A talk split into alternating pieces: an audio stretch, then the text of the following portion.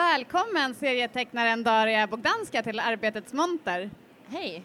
Hej! Det här är ett litet spontant samtal kan man säga. Vi träffade på dig här i, på Bokmässan. Ja, exakt. Eh, jag själv visste inte att eh, jag får prata idag, men det känns jättekul i alla fall. Ja, verkligen, för att eh, du är ju, medverkar ju i vårt senaste nummer som har eh, en special om källkritik och fake news och yttrandefrihet. Ja, exakt. Uh, alltså det... Uh, jag medverkar i en serie om uh, falska nyheter som har nått pollen. och det känns jättekul. för jag har suttit och tänkt på att göra serie om det. Och sen så har ni hört av er och frågade om att göra serie exakt om det som jag ville göra serier ändå. så jag blev jätteglad. Ja, det, det, var väldigt kul när jag kontaktade dig och du sa just det att du hade funderat kring de här ämnena tidigare. Mm. Och så gjorde du en helsida i veckans nummer och då är det just eh, ganska en personlig historia om när din mamma ringde dig hemma i Malmö.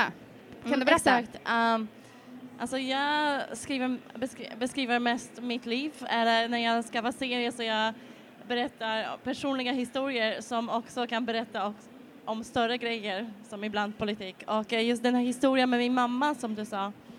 Eh, hon ringde mig och eh, var, alltså, var väldigt orolig. Eh, hon skrek vad händer i Malmö? Ja. Eh, medan jag gick runt och handlade grönsaker på Mollevångstorget och var jättesolig, fin, lugn dag.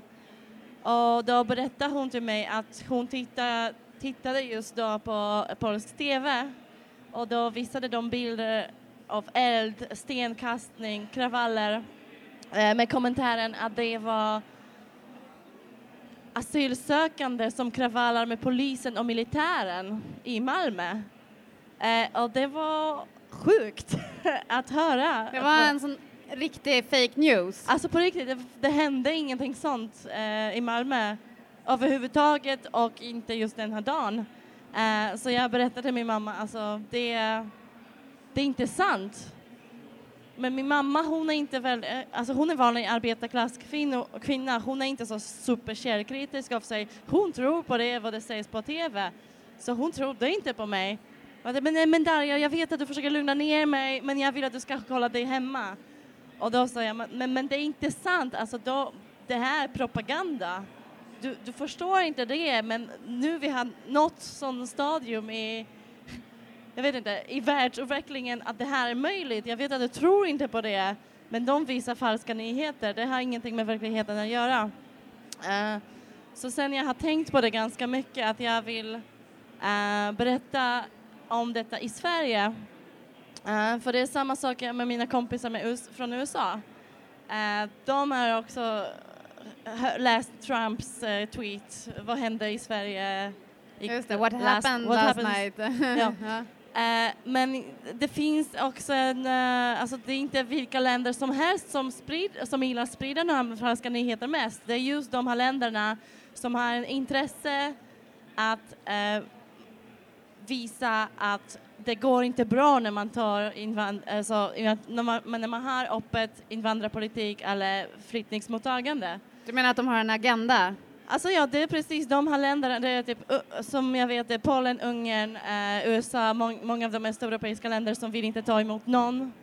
Eh, de sänder mest falska nyheter just om Sverige och eh, Sverige är ett land i Europa som tog de flesta flyktingar. Eh, så det är, ja, det, är, det är bara agendan, att de just, just de som tog inte emot någon, någon för att försöka skrämma eh, sina medborgare och bilda opinionen om att inte ta emot någon.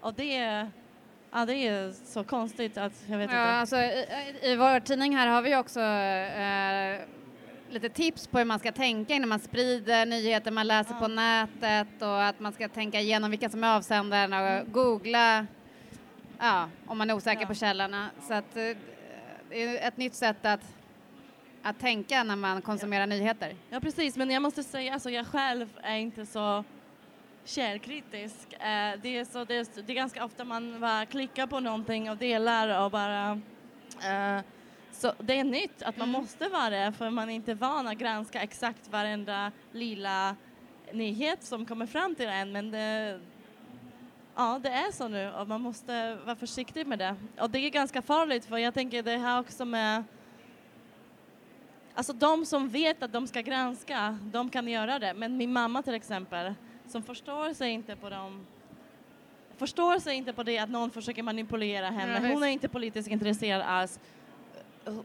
Hon kommer inte förstå att det är så viktigt att ka kanske granska just alla nyheterna. Så, så jag tycker det är lite farligt det vad händer för vi kan sprida, eh, alltså vi kan ge varandra tips hur man, hur man gör det men jag tror att det kommer funka. Alltså att sprida falska nyheter kommer påverka en stor del. Det är det nya Av- propagandakriget. Ja, ja okej. Det, det kommer påverka en jättestor del av samhället. eh, negativt tycker jag.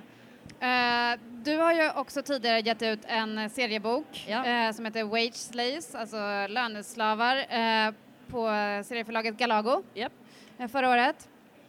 Och även den boken var ju en personlig berättelse om dina erfar erfarenheter som invandrare på den svenska arbetsmarknaden. Eh, Ja. Vad var det för, för verklighet som mötte dig då? Eh, alltså när jag flyttade till Sverige, jag flyttade för att plugga. Eh, men- 2013? 2013, ja, fyra år sedan. Eh, då eh, skulle jag skaffa personnummer för att man måste ha personnummer i Sverige för att ha vad, för att kunna vad som helst nästan. Eh, och jag hade en bild av Sverige som ett ganska öppet land eh, eftersom både Polen och Sverige är EU tyckte det skulle vara inte så svårt. Och jag har migrerat ganska mycket innan jag bodde i både i Spanien och England.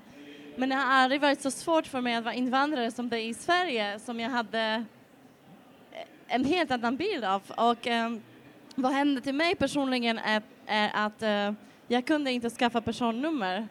Eh, jag kunde inte göra det genom skolan. Eh, sen för att få personnummer måste man ha jobb. Och för att ha, ha jobb måste man ha personnummer.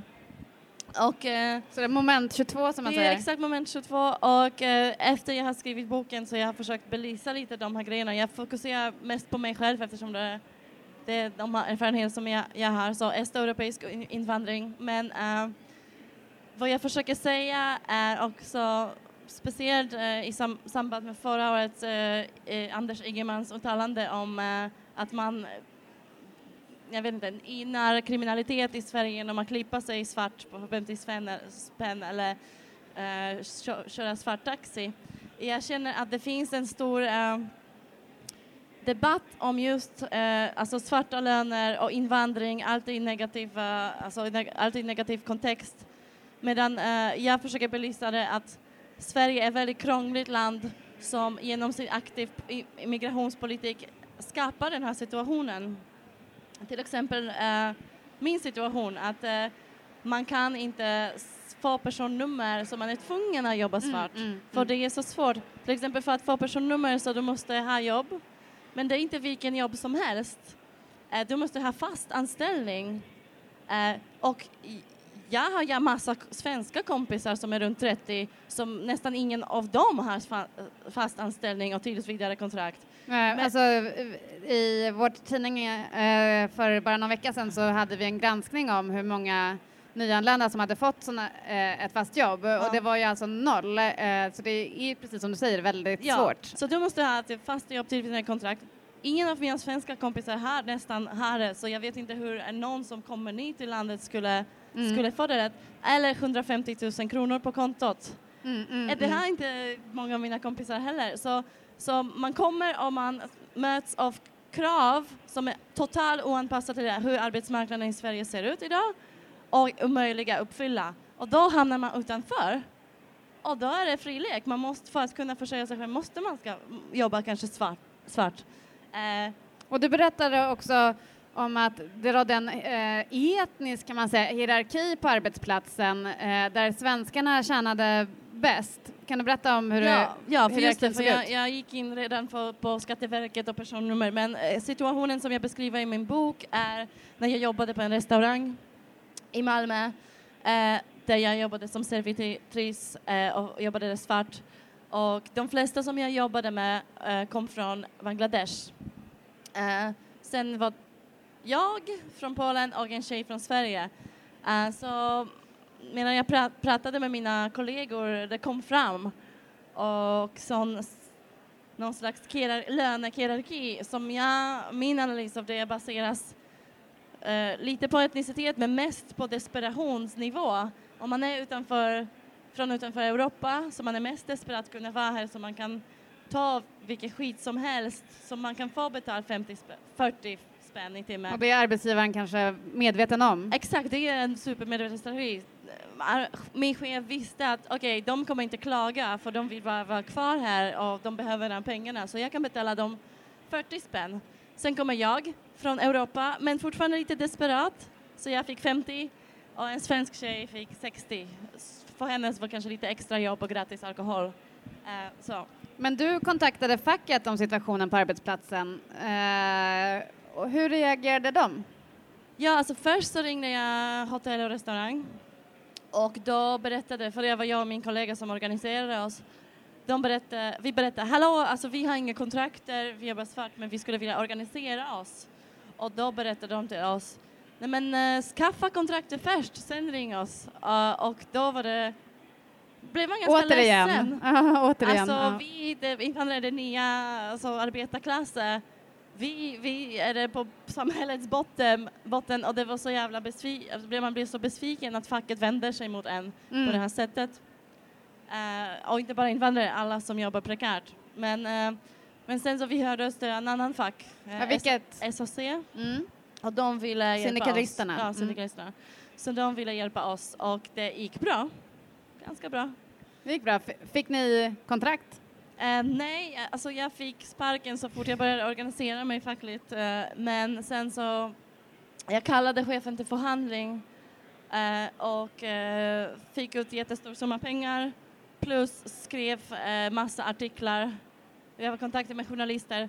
Eh, så det har inte gått så bra för honom efter det. han har förlorat massa kunder. så jag hoppas han fick sin läxa på något sätt hur skulle facken kunna bli bättre på att organisera utländska arbetare i Sverige? Ja, men alltså vara lite mer, alltså ändra strukturer lite kanske, alltså att man, eh, det är så grund, grundläggande nivå, alltså att man kan registrera sig utan personnummer till exempel. Jag, jag, jag gjorde en sån test, jag, jag försökte registrera mig som eh, person utan personnummer på de, alla de stora fackföreningarna, det gick inte. Uh, sånt, eller att det finns information på olika språk, på alltså så enkel grej som mm. att det finns information översatt. på olika, eh, ja, information översatt från svenska till olika språk eh, på stora svenska fackföreningars äh, hemsidor. Det, finns bara, det är bara Unionen äh, faktiskt, äh, flera språk. Resten är jättedåligt med det. Vad är LO-facken en del att lära sig? Och vad, fick du på för reaktioner på din bok när du liksom skildrade det här så kallade, eh, inte patriarkatet, utan prekariatet? Ja, alltså det var jättemånga som trodde inte på mig. Alltså självklart, jag fick jättebra och positiva reaktioner, många som sa wow vad intressant, vi visste inte om detta. Eh, man, man hör aldrig om detta, men det var ganska många som trodde inte att det kan vara så här i Sverige. Typ, vadå inga kontrakter? Alltså vi har Skatteverket, allt fungerar, eh, allt är under kontroll. Så jag tror att det eh, skedde... alltså det var lite, ja, kanske lite många som blev förvånad, tänker jag. Nu säger mina kollegor att vi måste runda av ja. här, men eh, jag, tänkte bara en sist, ja, jag tänkte en liten sista fråga för, som är intressant. För många eh, serietecknare, inte minst på det förlag som du är verksam på, Galago, eh, är ju väldigt politiska och har blivit nästan som några av de viktigaste rösterna för, bland unga människor, ja alltså politiska rösterna. Eh, varför tror du att just så många satirtecknare och, och serietecknare just nu är, är så politiska? Oj, det vet jag inte. Alltså jag, tar, jag tror att det har någonting att göra med att serier har blivit väldigt uh, mm, kvinnodominerande i Sverige. Uh, och om man har ett minoritetsperspektiv, eller feministiskt perspektiv, det är ganska lätt att bli också kritisk på, på andra plan. Så jag tycker det är många kvinnor just som är politiska i Sveriges serievärlden. Varför det blev, varför kom serier i det fina rummet vet jag inte exakt. Jag tror allmänt Sverige är ganska vänster när det gäller kultur fortfarande och det tycker jag om. Uh, så det är kanske det. Men för just min del, varför det serier blir en sån perfekt forum, alltså medium för mig att uttrycka mina politiska åsikter är att eh, jag är superarbetarklasse, jag har ingen eh, förmåga att skriva fint. Eh, jag skulle inte sätta mig och skriva en supersmart bok. Men med bara några bilder jag kan berätta mycket mer. Eh, och då blir det väldigt befriande att man, man som kommer från, kanske inte kommer från superintellektuell intellektuell bakgrund kan ändå säga någonting vettigt. Eh, ja. Bl- Blir det en till seriebok? ja, klart. Ja. Härligt. Tack så mycket Daria Ja, Bogdanska för att du kom hit. Tack.